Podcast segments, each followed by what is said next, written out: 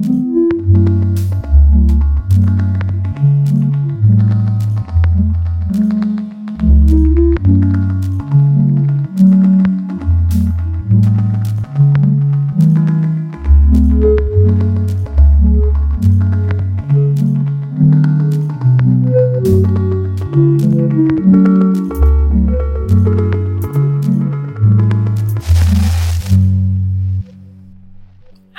velkommen til Audeland. Jeg heter Mariell, I Jostein. og dette er podkasten vår. Yay. Yay. Vi har gjort noe som er litt sinnssykt nå, Jostein. Har vi? Å ja, det har vi. um, vi sitter i huset i midten av tunet, altså huset der besteforeldrene til Jostein bodde. Og alene i vårt hus er det en femåring og en treåring.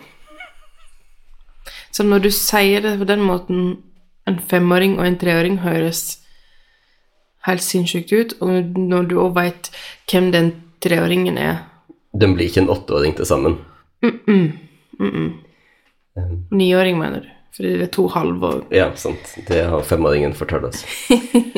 um, nei um, De hadde jo begynt å krangle før jeg rakk å gå. Ja. Jeg hørte treåringen skrek 'Jeg vil ikke være her med henne'. Ja. Ja. Hørte du hva far der sa Ja, det skal du. Jeg gikk, ja, før du rakk å si det. Så.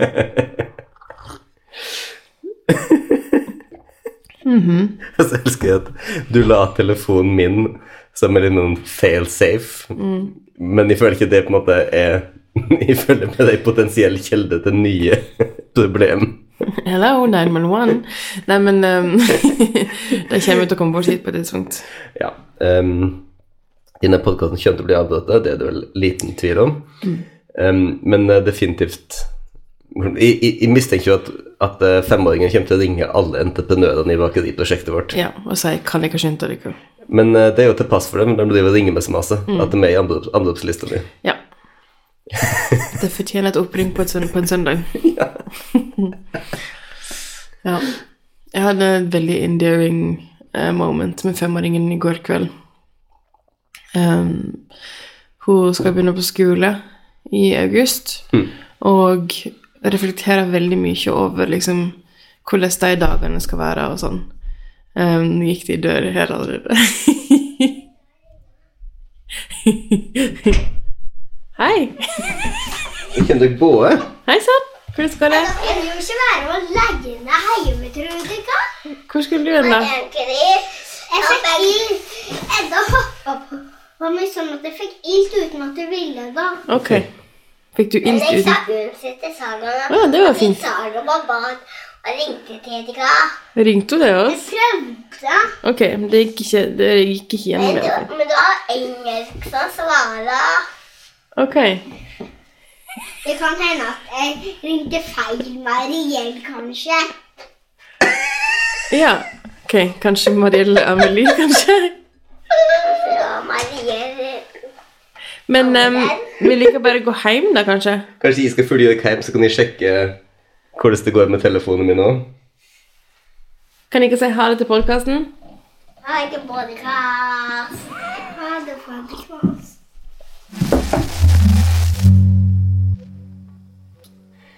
Em, det var Indre Sogn dyreverndag de hadde ringt, ja. så så sendte ut ei, ei vennlig årsaking til dem. Du, alt er bra. Har jeg nå et problem med katten? Så, Oh så helst korkje dyrevern eller barnevern, men Jeg får se. Men ja, det, skulle, det var egentlig det jeg fortalte, var ja. at jeg hadde et endearing moment med femåringen i går. Em, der hun hadde bedt om å få litt alenetid med meg før hun gikk opp og la seg, mens du drev og la den yngste. Em, og så og sa hun Kan jeg få ett minutt? Mhm. Og jeg sa det kan du, det går fint, liksom. Så satt vi og pratet om litt forskjellig, og mm, hun planla hva hun skulle tegne den neste morgenen, og jeg skrev ned punkt for punkt liksom, hva hun skulle tegne. Um, slik at hun kunne bare starte, liksom. Og så sa jeg nå må vi pusse tennene, og så må vi gå på det her Da hadde vi kanskje vært vært der i fem minutter, ikke sant? Og så sa hun Har det gått ett minutt allerede? Og så sier jeg det har gått mer enn ett minutt. Og så ser hun på meg sånn oppgitt, eller liksom Bare sånn åh, skuffa. Jeg hadde jo tenkt at jeg skulle klatre masse.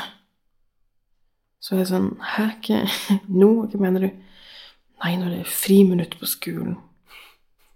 Og så innser jeg at hun tror at eh, et friminutt betyr ett minutt. Hvorfor skulle hun ikke det? Nei, jeg vet det. Konsept av tid er jo bare helt eh, umulig å forstå for et barn. Men, men ja, så det um, Måtte da forklare at det, at det bare heter friminutt, og at et friminutt er mange minutt. Og sammenligne det liksom med en episode av Paw Patrol. Mm. Og hun var bare så letta. Ja. Det, det er morsomt, fordi at det er jo òg her greia med friminutt kan ha ulik lengd. Mm. Men dette kommer heldigvis til å skjønne. Heldigvis. Ganske fort. I morgen er avtalen at vi skal reise ned på skolen, eller på biblioteket der som er på skolen, og så at hun får øve på klatretårnet, for hun har virkelig som mål å bruke liksom, klatresystemet på barneskolen mye. Amazing. Mm. Hvordan, um, hvordan går det ellers? Vanskelig spørsmål.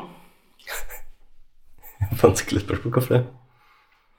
Jeg vet ikke. Føler meg sånn nedtrykt av veldig mange ting i livet mitt disse ukene. Jeg hadde en sånn ting for et par dager siden, der jeg bare bare Så hadde jeg snakka med en kollega om livet mitt, om livet vårt, Mm. og så tok jeg meg sjøl i at Oi, shit, det høres ut som en sånn derre skryterant, skrytetale, når de snakker om livet vårt. Mm. Hvordan mener du? Jeg syns det er vanskelig å snakke om det at både du og jeg driver med mange forskjellige ting, Mm. i tillegg til at vi bygger bakeri og gjør den svære greia. Jeg syns det er vanskelig å snakke om det på en måte som ikke høres skrytete ut. Mm. Um, Da har du jo mange ting du kan ta av for å balansere det ut. kan det være ting som går til helvete? Ja. Ja. Eller sånn det generelle angstnivået, Ja, men- eller krangling, eller Oss krangler krangler ikke masse nå. Nei, men mye uro, iallfall, Ja, i livet. Men det blir sånn at jeg skal bare, bare liste opp alt som en gjør som liksom går ganske bra, også. men, men jeg lover at de har det ikke bra for det, altså. Nei. Jeg mener, jeg tror du skal ikke være redd for at folk ikke skjønner at det er tungt og hardt, liksom. Ja. Um, jeg tror virkelig ikke at folk som kjenner oss, tror at vi liksom prøver å skryte når vi bare forteller om livet vårt. Men jeg skjønner, jeg, jeg skjønner liksom den impulsen, eller den liksom frykten, da. Mm. Men jeg tror ikke det er noe du trenger å være redd for. I don't know. Det, det er noe med sånn det, Jeg jeg også på den demografien som You know blir douche litt fortere. Det er jo bare en personlighetssak. Ok, så vi har en sånn personleie som blir douche litt fortere. Tusen takk. Hjelp. hjelp Library vel. Is open officially. Ja. Men det begynner å nærme seg nå, da. Mm. Nå er vi på det punktet der alle sier eh, Ja, dere skal, skal dere ofte i løpet av våren, liksom i mai, april-mai eller et eller annet sånt. Sånn, det er om en måned, ja. Og så så sier vi mars, ja. Og så er det sånn eh, Uh. Jeg vet. Du vet den memen som er sånn eh, Ei sånn, jente som ligger i seng med øynene igjen, øynene igjen, øynene igjen, og sånn fjerde ute, og så åpner hun øynene, så sier hun sånn Where the fuck is my birth certificate? vet du den? Jeg tror jeg har sett den, ja. Um, sånn er jeg nå med sånn detaljer og bakeriet. Right. Det er sånn Hvordan er det med brannsikring? Hvordan er det med skal varme opp lokalet?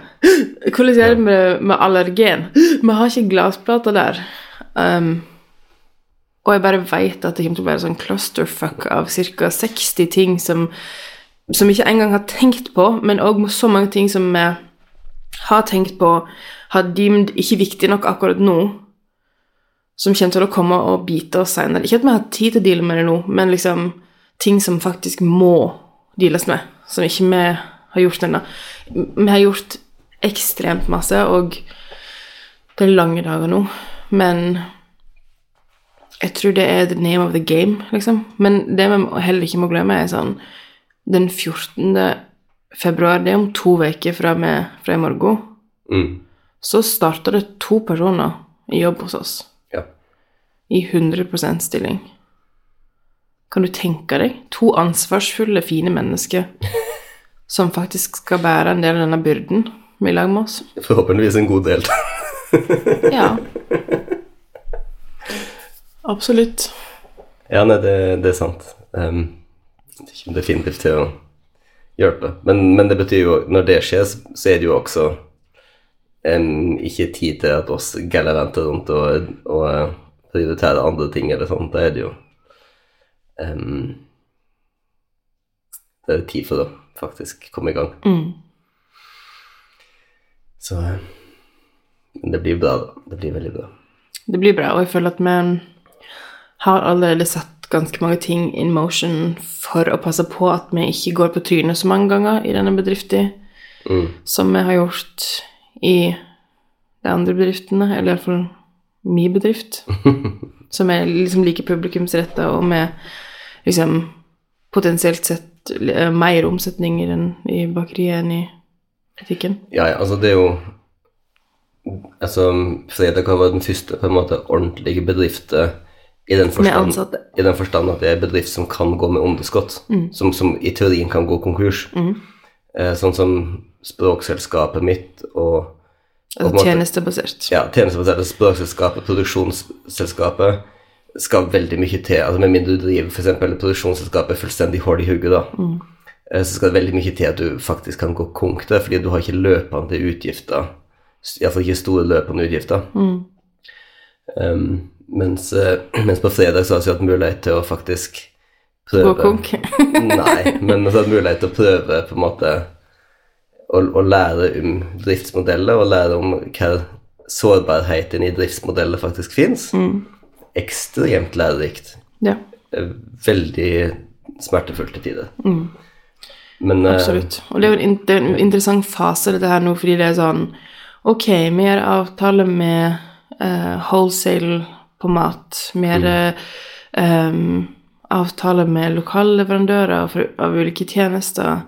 Um, og jeg lager sånn ti bilder av fastelavnsboller på telefonen min. Altså sånn, det er både sånn i det bitte små, i detaljene, um, som òg er kjempeviktig, og det er viktig Ja, ja. å ha tenkt på disse tingene før vi åpner. Så det er bare veldig sånn kontrastfylt. Og um, jeg er sliten av det. Jeg husker det var en annen bedrift som var sånn publikumsretta, som skulle åpne. Og ikke her i Lærdal, men der liksom de som starta opp, de reiste bare på ferie, liksom sånn to uker etterpå. ja. Og jeg husker at jeg tenkte Hva er det du driver med, liksom? Hvordan kan du gjøre det nå? Mm. Uh, og nå er jeg bare sånn I get it. Fordi at den blir bare så Ok, nå kan du, du er barnet mitt, nå kan du gå. Ok, nå reiser jeg og gjør noe annet, fordi at nå går du sjøl. så jeg bare trenger Jeg har virkelig sånn et stort behov i livet mitt akkurat nå for noe annet, noe mer. Og det vet jeg ikke når jeg får, fordi jeg har ikke lyst på covid. Så jeg kan ikke reise noen plass. ja, altså jeg er jo ikke enig i den Du har ikke reist noen plass, du heller? Nei, jeg er jo gift med det, da. det eneste alle vet, er at jeg gidder iallfall ikke reise noe sted alene. Men, eh, men jeg tenker jo som så at eh, det kommer vel nå ei tid der mye reiserestriksjoner blir oppheva. Ja, Så- fra og med tirsdag er det ingen restriksjoner i Danmark, f.eks. Men Og de eh, hadde rekordtilfelle. 50 000 tilfeller nå forrige, forrige uke. Så det kan godt hende at um, i april eller et eller annet så er det mulig for oss å faktisk ta oss en liten tur en sånn. Mm. Kanskje. Jeg, eh, jeg føler jo veldig sterkt at Italia har kalla på oss en stund. Mm. Iallfall så jeg kalla på Italia. Virkelig. Jeg satt i, etter frokosten i dag etter jeg hadde en tirade om at jeg ikke får tak i andre typer tulipaner enn bare standard tulipaner her i Verdal. Um, og du var ikke til noe hjelp i det hele tatt. Nei, jeg vet ikke, det kommer fremdeles ikke til være. Og så satt jo du da framfor For vi har jo et stort Italia-kart, vintage Italia-kart på veggen eh, på kjøkkenet. Og så satt jeg bare og så på det og bare sånn Der er det jo, liksom. Mm. Jeg vet at vi må ta fly for å komme dit, men liksom Det fins jo. Ja. Ja. Men det er bare Ja, vi er snart på toårsmerket, og jeg tror det er veldig mange som, som har det sånn. Men jeg ser jo òg flere og flere som på en måte våger seg ut, da. Som tør å sette seg på et fly, liksom. Jeg ser jo mange som tør å sette seg på fly og kommer hjem med covid, men det er vel kanskje bare sånn det er these days. Jo, men det er klart at nå har det jo gått veldig mye over til å være et praktisk spørsmål. Mm. Så også for eksempel hatt ungene hjemme nå denne uka. Fordi Ja. det var en tendens til covid i slash rundt barnehagene. Mm. Og det er klart at vi er ikke først og fremst redde for å bli. Nei. Så det er jo et praktisk spørsmål, som er at akkurat nå så flyr du og gir rundt veldig mye. Ja. Og, og, og det, er, det er flere bedrifter som er avhengige av oss i utgangspunktet. Og selv om og jeg skal ikke liksom altså Det er mye rart å kunne ha styrt litt um, så avstand, men det vil, bare ville vært rett og slett veldig upraktisk. Ja. Det ville vært vanskeligere. Og, og på en måte da går du, går du ut ifra at vi ville vært i stand til, til å styre hvis vi har vært syke, liksom. Um, Ja. At en kan jo faktisk bli syk. Ikke bare måtte være hjemme, men Mm. faktisk bli syk. Um, og det er jo og det er også noe jeg på en måte prøver å forklare til for Altså, jeg var kjemperedd for å få delta, liksom. Eller sånn å få de strainene der som er mer alvorlige. Men jeg er ikke redd for å være sjuk. Jeg er redd for long covid og alt som folk sliter med liksom, i ettertid. Um, og jeg er heller ikke interessert i at ungene mine som er helt uvaksinerte, skal bli syke. Så Derfor har jeg vært hjemme denne uka, fordi det var ett tilfelle i barnehagen. Ja. Det er veldig vanskelig å vite um, hva som er rett å gjøre fremdeles. Mm. Og det tenker jeg er noe av det som er slitsomt og, og litt unikt med situasjonen her, at, at eh, i april og mai eh, 2020 så var det sånn Og så vet vi ikke hva som er rett å gjøre. Alt er en kalkulert risiko. Skal de få lov å treffe besteforeldre? Skal de få treffe tante og onkler? Eller ungene, og sånn? Mm. På en måte, hvem, hvem er det vi skal ta oss råd til i hermetegn og være ihop med? Um, og så har vi liksom gått gjennom så utrolig mange faser, men fremdeles er det på en måte akkurat de samme typen dilemma, som er hva slags risiko er det rett å utsette seg sjøl og andre for. Hva slags risiko har jeg råd til? Ja. Og, og det er et sånn komplekst regnestykke med personlig helse og samfunnsøkonomi og personlig økonomi og på en måte sånn og, og sosial utvikling for ungene dine. Altså på en måte sånn kjempe... Og overskudd. Liksom sånn Ja. Hva, hva slags avlastning trenger du i livet ditt, og hva slags risiko du vil til å ta for å få den avlastningen? Um, den, det, det jeg syns har vært kjempevanskelig valg, med tanke ikke bare på barnehage, men også på besteforeldre. At liksom Jo flere folk, jo større risiko. Sånn er det bare, liksom. Um, og det er kanskje ikke nødvendigvis sånn en tenker nå, men det har vært et to år av liksom micro decisions hele tiden om, om risiko. Og bare sånn Ungene våre får ikke lov å være med inn på butikken nå. Mer enn hvis de absolutt må. liksom. De sitter, ikke, de sitter aldri alene i bilen. Men hvis vi er to voksne, så er ikke de med inn. Um, Og det er sånn Jeg vet at det er mange som ikke tar det valget, liksom. Men for en person som meg, som er bare så angstfylt, så er det veldig godt å kunne ta det valget og liksom sånn Ok, men da vet jeg i alle fall at jeg har gjort dette. Mm. Um, og sånn etter alt dette, liksom når, når støvet har lagt seg, så vet jeg at jeg har vært så forsiktig som jeg overhodet har kunnet. Og ja, det har kosta litt, og ungene våre kommer til å bære alle ungene som har gjennomlevd de siste to årene, kommer til å være prega av dette på en eller annen måte. Eh, men det er på en måte et kollektivt um, Hva skal jeg kalle det? En kollektiv oppleving av, av um, disse tidlige årene sine, liksom. Det er det jo, men, men samtidig så er det jo også stor forskjell på hvordan ulike voksne håndterer det. Sånn at f.eks.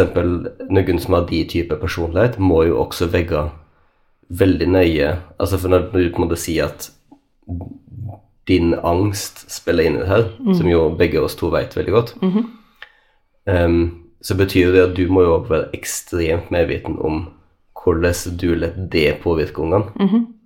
For det er jo noe som på en måte Og, og det vet jo at du er. Men, at, men for det er jo òg noe som spiller inn i det her, at, at um, hvis oss nå f.eks. fremdeles hadde vært helt sånn eller på å si paniske for å ikke få covid, så ville jo det på en måte begynt å blø inn i, inn i ungene våre. Mm. Og jeg syns det er kjempevanskelig nå, f.eks. Når, jeg- når jeg er alene på, på buen med dem. Um, hvordan skal jeg instruere ungene mine til å oppføre seg på butikken? Vanskelig. Um, jeg vet, altså jeg, jeg, minner Saga om at hun ikke skal gå bort til andre folk. Ehm, skal jeg be ungen min ikke prate til andre folk? Det gjør jeg ikke.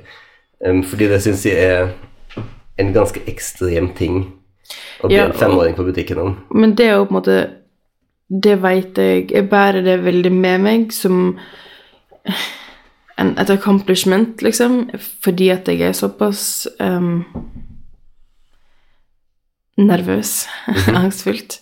Um, så vet jeg at hvis jeg ikke hadde vært on top of it, Mm.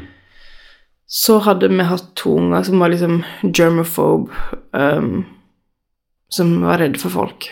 Sant? Våre Det- det unger er altså er ikke. absolutt ikke germophobes, og våre unger snakker med alle. Uh, 'Hei, jeg heter dette, jeg er så gammel, jeg bor her, dette er foreldrene mine, dette er søstera mi' Oi, nå går det dør igjen. Skal vi se hvem som kommer her, bak dør nummer én.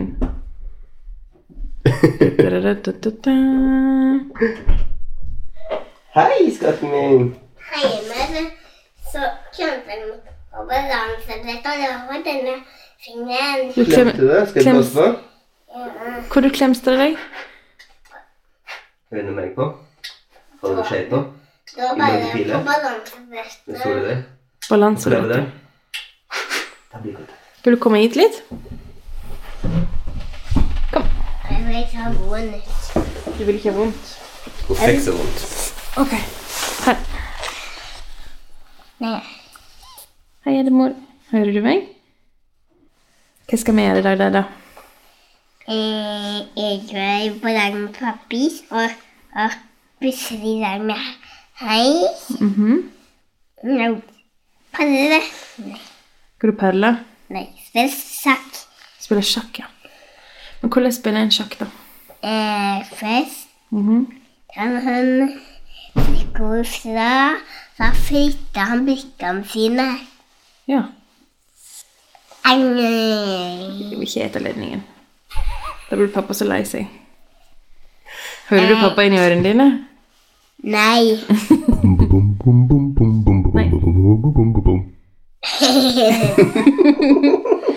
Men er det, hva, hva er din favorittmat? Eh, det er på seg. Leverpostei. Hva er din favorittmiddagsmat, da? Eh, han carbonara flesk. Pasta carbonara og flesk. Mm, hva er det beste du vet å spise til frokost, da? Kavring. Kavring?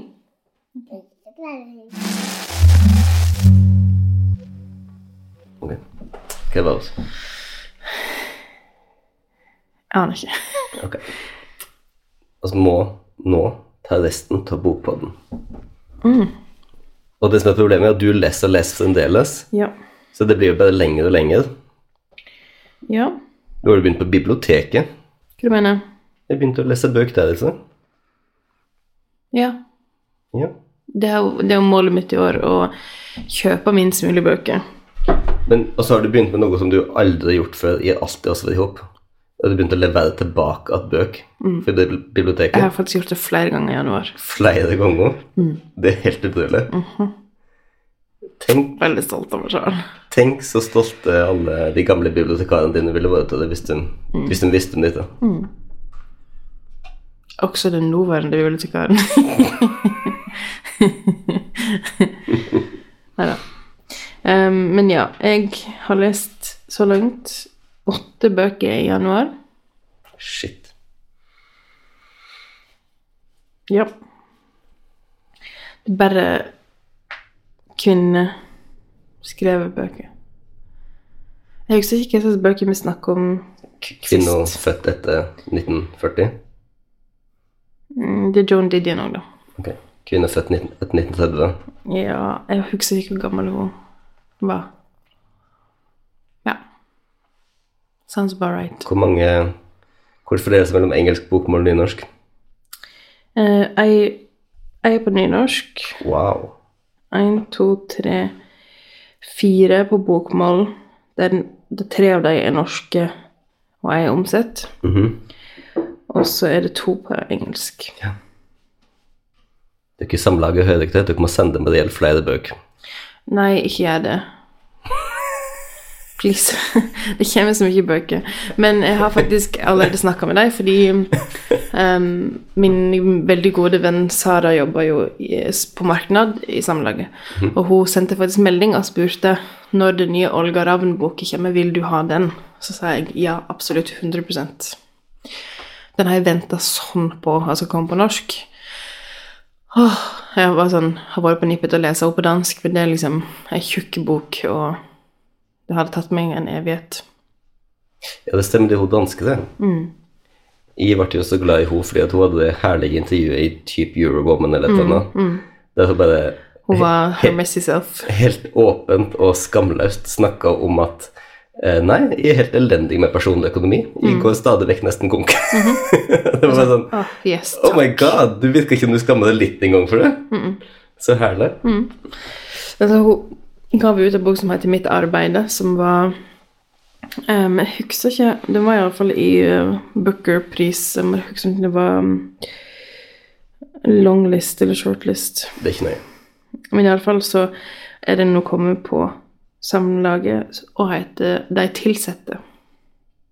Oh. Ja. Ehm, så den gleder jeg meg veldig til å lese. Så den skal Samlaget sende meg.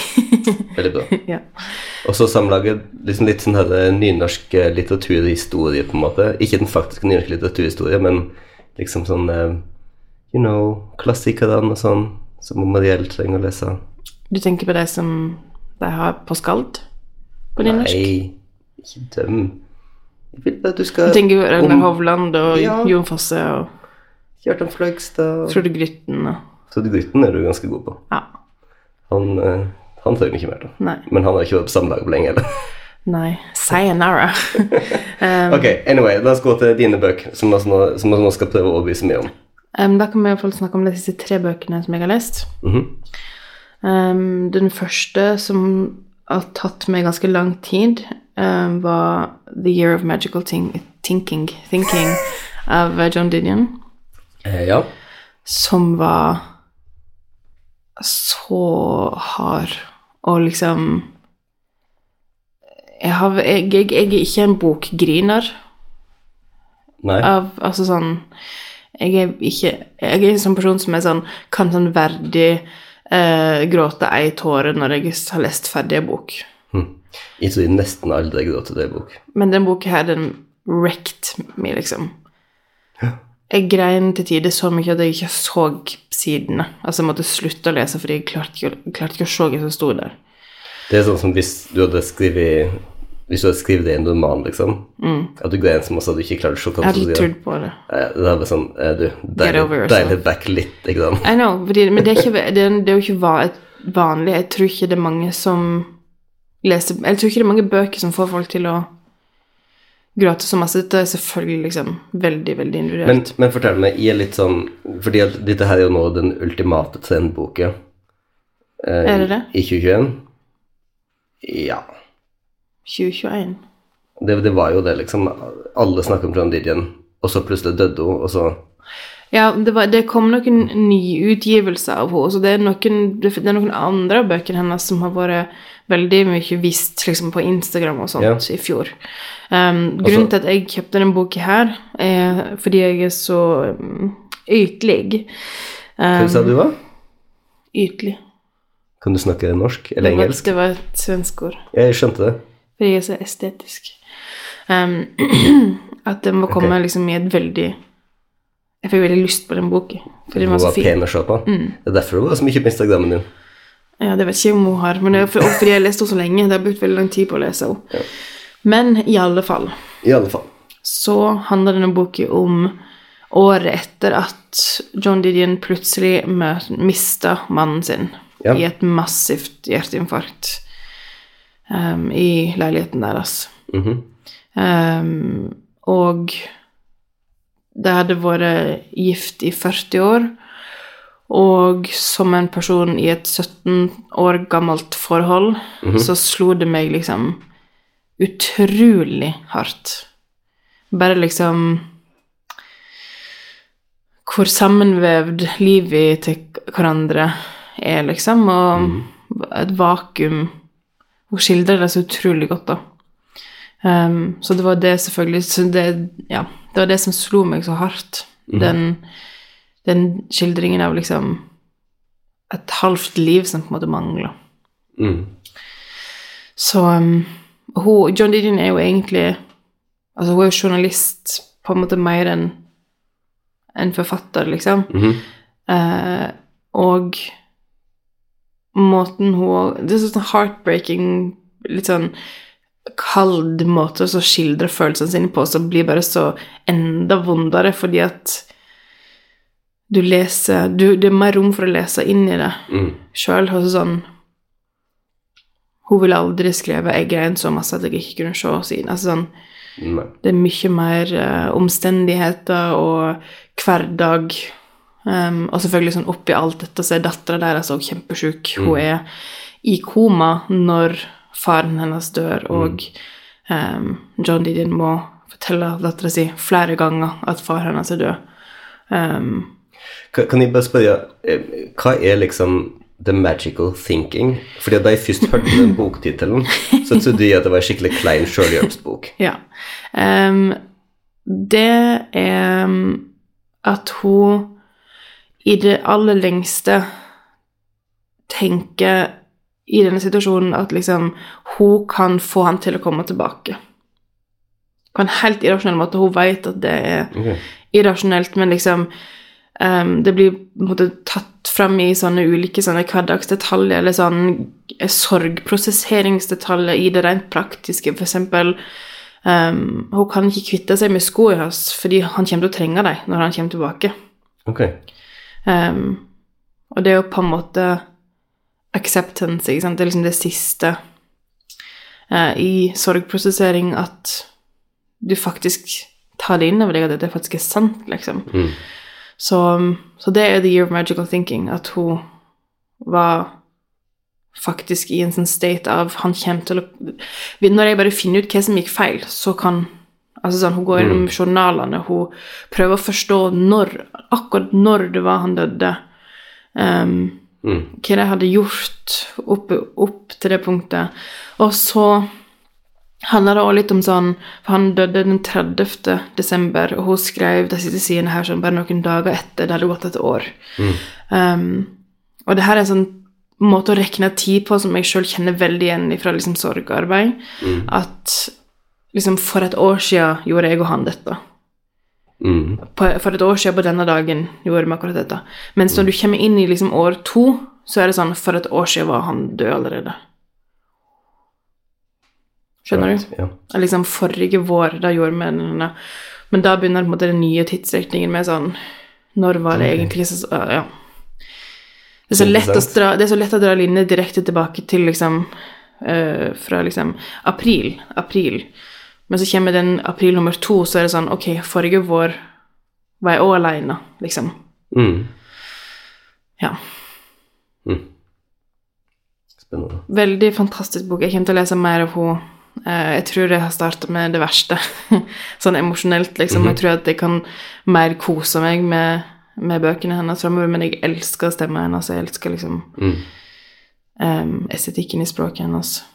Mm. Så Og, òg bare sånn her Sånn weird sånn herre Jeg føler at jeg bare sånn just missed the mark, skjønner du hva jeg mener? At liksom, jeg hadde allerede kjøpt denne boka Jeg fikk aldri nyte John Didion sine ord mens hun fortsatt levde. Hadde- er det en forskjell? Jeg veit ikke. Jeg, jeg følte liksom at det var en sånn waste of an opportunity å ikke ha en relasjon til John Didion før hun døde. Fordi jeg visste at jeg kom til å få det. Jeg vet at det høres helt sprøtt ut, men det er kanskje Nei, noen som kjenner seg igjen i det. Det er interessant.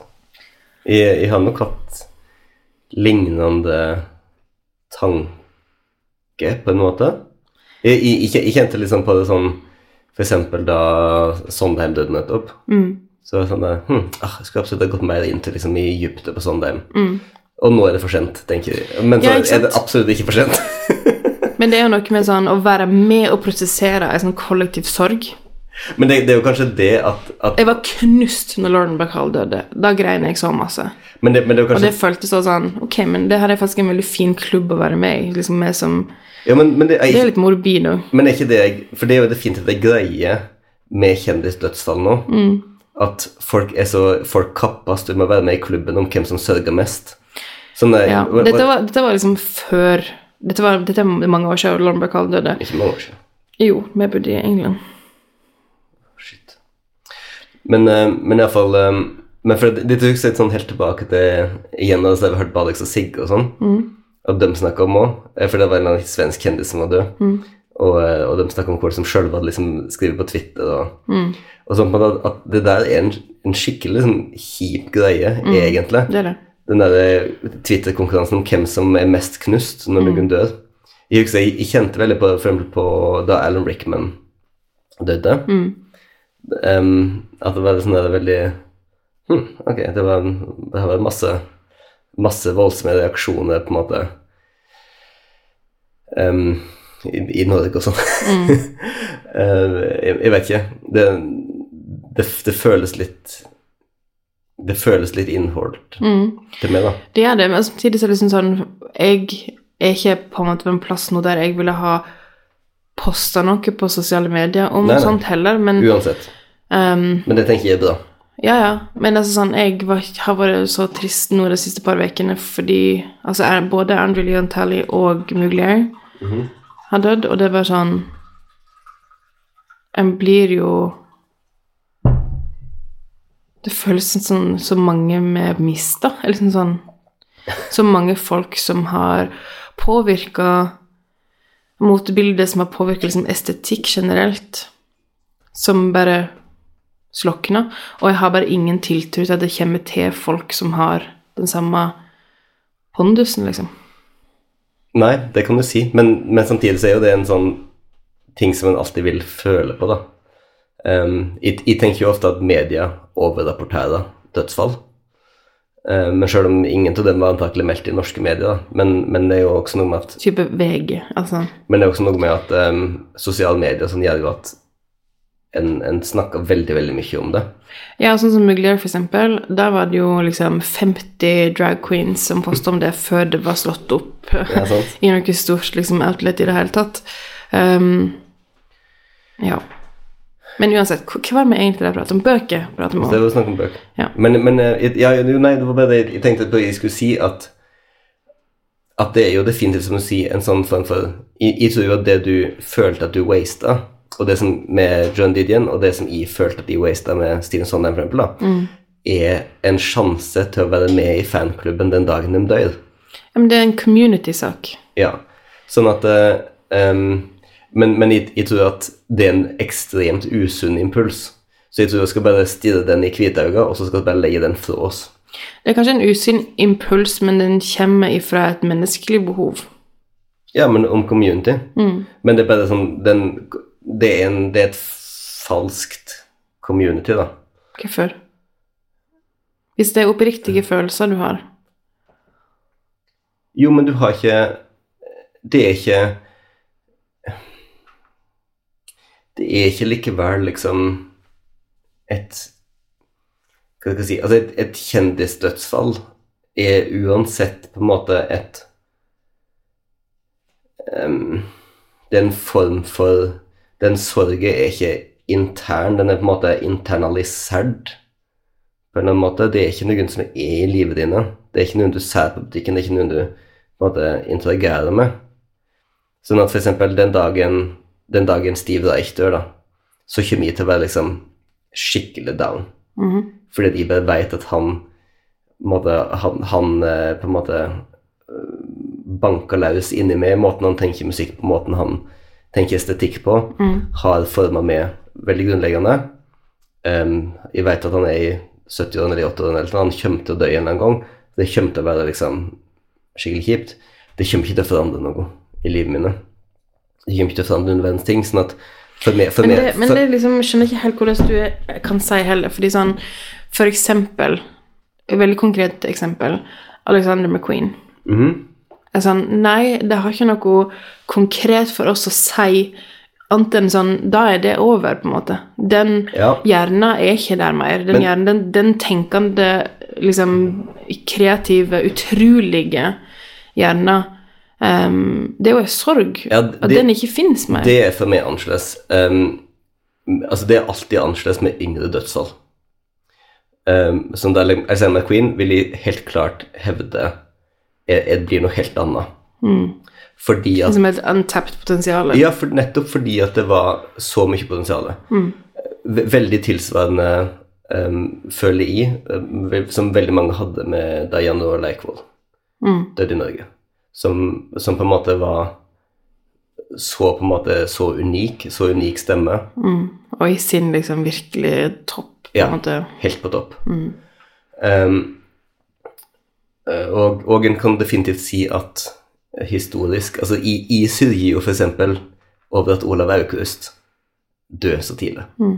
Som er litt absurd, fordi at eh, han eh, dør vel på 20-tallet? 30-tallet? Um, Du hadde ikke rocket det måte. nei, jeg hadde ikke drukket det lell. Men han hadde kunnet skapt mer. Ja, han var på vei til å bli den aller største. Um, og jeg vet at det er mye som kunne vært annerledes for nynorsken. For Gudbrandsdalen som kulturelt område, kultursentrum. Um, og, og for norsk litteratur. Um, altså, han sto for på en måte sånn, et sånt amalgam av bygdekultur og på en måte finkultur, av natur og på en måte kunstdikting, som sto veldig nær står veldig nær min måte å tenke på og mitt hjerte. Sånn at for meg, hvis han hadde fått fullført sine kunstnerlige prosjekt eh, i langt større grad enn det han fikk, eh, så ser jeg for meg at det på en måte hadde blitt en en veldig naturlig havn for meg å ha som utgangspunkt for mitt eget kunstnerlige virke. Så for meg så finnes det viss sorg i at han aldri kom lenger. Um, og så er det en sånn Og så er det selvsagt en sånn på en måte utfordring til meg sjøl.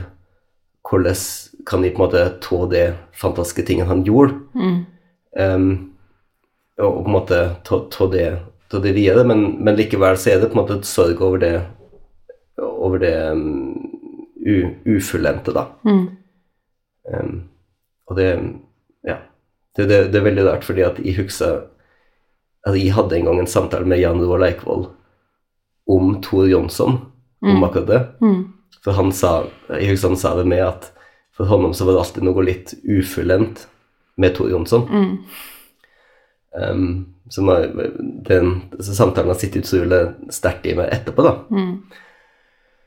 Um, men, det, men det er jo sant. Sånn at, sånn at det, det er, jeg syns på en måte at det er en at det er en stor forskjell, da, bare for å prøve å spinne tilbake, at altså Steven Sondheim hadde antakelig gjort det meste han skulle. Mm. Antakelig John Didion òg. På en måte at, at bidraget deres er der. Um, mens, um, mens det er noe litt annet. Fordi det er jo noe med å på en måte En kunstner som en verdsetter, å få se noen skrive liksom 'some of their best work', eller ja, altså design, eller whatever, i sine eldre år, det er noe med på en måte den fulle, det fulle livet. Liksom Ja. i alle faser, liksom. Morskap, um, og foreldrene dine dør, uh, og um, noen nær deg er sjuk. Altså sånn veldig naturlig progresjon av liksom livet eh, sett gjennom kunsten deres. Um, og det mista vi f.eks. med Alexander McQueen. Ja. Gikk det i døra her nå? En, uh, den, en, en av de aller siste på en måte, vestlige intellektuelle fra liksom romertiden, kan du si, da. Boetius, han ble jo eh, Han ble eh, torturert og drept forholdsvis tidlig. Men han hadde da en, han hadde en plan om at han skulle omsette på en måte alt av Aristoteles og Platon. Em, på et tidspunkt hadde han var i ferd med å gå helt ut av kunnskapen i de vestlige verden. Så det er en sånn veldig fascinerende um, Hva om det er godt at han bare hadde latt Boetius få holde på? og sånn, ja. Ah, Anyway. Eh, bøk. To bøker, takk. Ja, takk. um, ok, så bok nummer to, um, Malibu, Ri Malibu Rising av uh, Taylor Jenkins Reid. Ok. Um, Nå, nå er vi plutselig uh, i liksom California igjen. ja. Okay. Uh, nei, Oh, nei, Malibu. er ikke det California? Jo. Jo, det er det. Jeg, jeg blir så Uansett. Ja, geografisk litt forvirra. Men i alle fall så Hun er jo, har virkelig vært et sånn stjerneskudd eh, nå. Um, og skrev den um, Daisy Jones and the Six, som alle har lest, og den um, The Seven Wives of Something. Ja. Jeg, I alle fall veldig, veldig bestselgende eh, og liksom um, anerkjent liksom kritikerost. Så du er virkelig on trend nå, altså? Ja, men denne boken har jeg kun kjøpt fordi jeg har sett henne på Instagram. Men det mener jeg sånn, jeg følger folk som jeg har samme smak som, så jeg liksom stoler på at um, jeg skulle like henne. Og så um, Jeg har jo sånn der Jeg kvir meg jo for bøker som er sånn lange. Ja. Jeg virker, har virkelig en skrekken. Liksom, jeg har den nye Jonathan Franzen-boken liggende, og jeg bare sånn åh. Orker virkelig dette? Pluss at jeg som jeg òg har samme smak som, markerte den som 'did not finish' på Goodreads. Oh no. Så jeg er sånn Hvorfor det? Det er så rart for meg at du har en, sånn, en sosial tilnærming til bøk. Det, for meg så er det så isolert. Det, det er litt mitt, mitt svært personlige prosjekt. mm. kalles Bøkeløs. Mm. Og du er liksom ute og tapper influences. Mm. Jeg elsker det. Jeg elsker Anyway. Bookstagram. Ok, Um, Fortell meg om Malibu Rising. Så den boka Premisset for den boka er at det skal være en kjempestor brann. Og hele boka Høres realistisk ut. Ja, ikke sant? Uh, hele boka spiller seg ut um, på én dag, men du har òg tilbake-drypp til liksom 70-tallet. Boka er utspilt i 1983.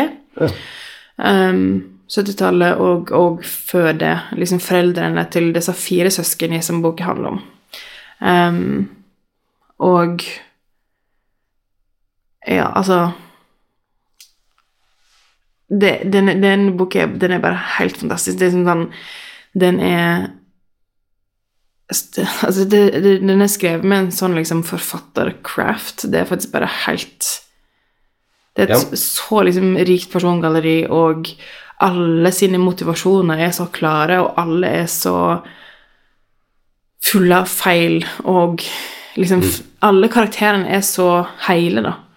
Um, Det er det jeg syns er morsomt med amerikanske bøker. ja, men det er bare Jeg skjønner ikke hvordan hun har fått det til, liksom. Jeg, er virkelig helt full av beundring, så skal jeg lese selvfølgelig de andre bøkene hennes òg. Når jeg har lov til å kjøpe bøkene. um, men Um, boken handler om fire søsken som er barn av en av liksom en verdenskjent musiker. Mhm. Um, men han har på en måte litt sånn ditcha familien, og så handler det om alt som de Og søsken er veldig prega av å ha en så kjent far. Alle vet at han er far deres. Um, det blør inn i alt, liksom. Pluss at de bor der de bor. um, og ja, jeg vil ikke heller liksom spoile, fordi det er en sånn um, Jeg vil ikke si det er en thriller på noen måte, men det er likevel sånn Du vet at det er en brann, men du vet ikke hvorfor eller hvordan. Thrilling. Ja. um, og den liksom balansen mellom på en måte eh, For når jeg først begynte å lese, så var jeg litt sånn Når det var sånn 1983, og så kom det sånn 1960 et eller annet, sånt, så var jeg bare sånn åh, nei, jeg vil ikke være her. Jeg vil være i, på 80-tallet. Mens etter hvert som For jeg kan være litt utålmodig som leser, og jeg vet hva som skjer nå. Um, Pluss at det lengre ting er fra din virkelige hverdag, det mer frakobla blir du jo. Ja, så 80-tallet er, er allerede Det- det er en stretch. er Allerede en stretch. Men iallfall så um, Så ble jeg veldig liksom investert i den, fordi det er jo hele motivasjonen, det er jo hele liksom, grunnmuren for det som skjer nå. Så, så um, ja. Jeg absolutt anbefaler. Ja, så tror du jeg liker den? Ja. Ja. Men jeg tror du faktisk ville likt bedre kanskje noen av de andre bøkene hennes. Men jeg tror du ville likt henne. Men sånn mange som skriver sånn I read it in one day. Perfect beach read. Um, som er sånn jeg, Ja, den er absolutt sånn lettleselig, men den er ikke um, Lett. Nei, den, den Jeg føler at han gjør seg sjøl en disservice ved å skrive sånn om seg sjøl på boka, liksom. Ja, men det, det er jo veldig morsomt. Sånn, um, for, det, for, et veldig stort segment så er jo det et kjempepluss. Men så er det selvsagt noen som er litt jålete på det.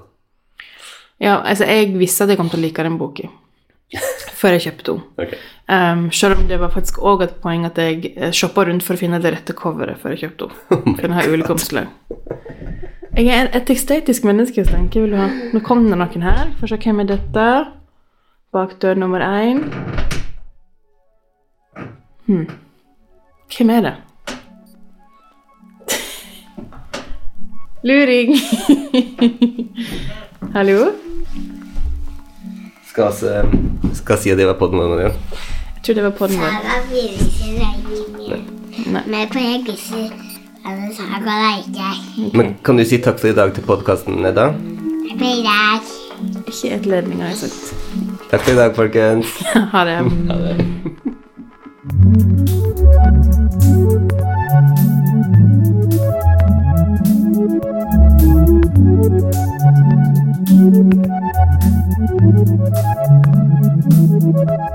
Thank you.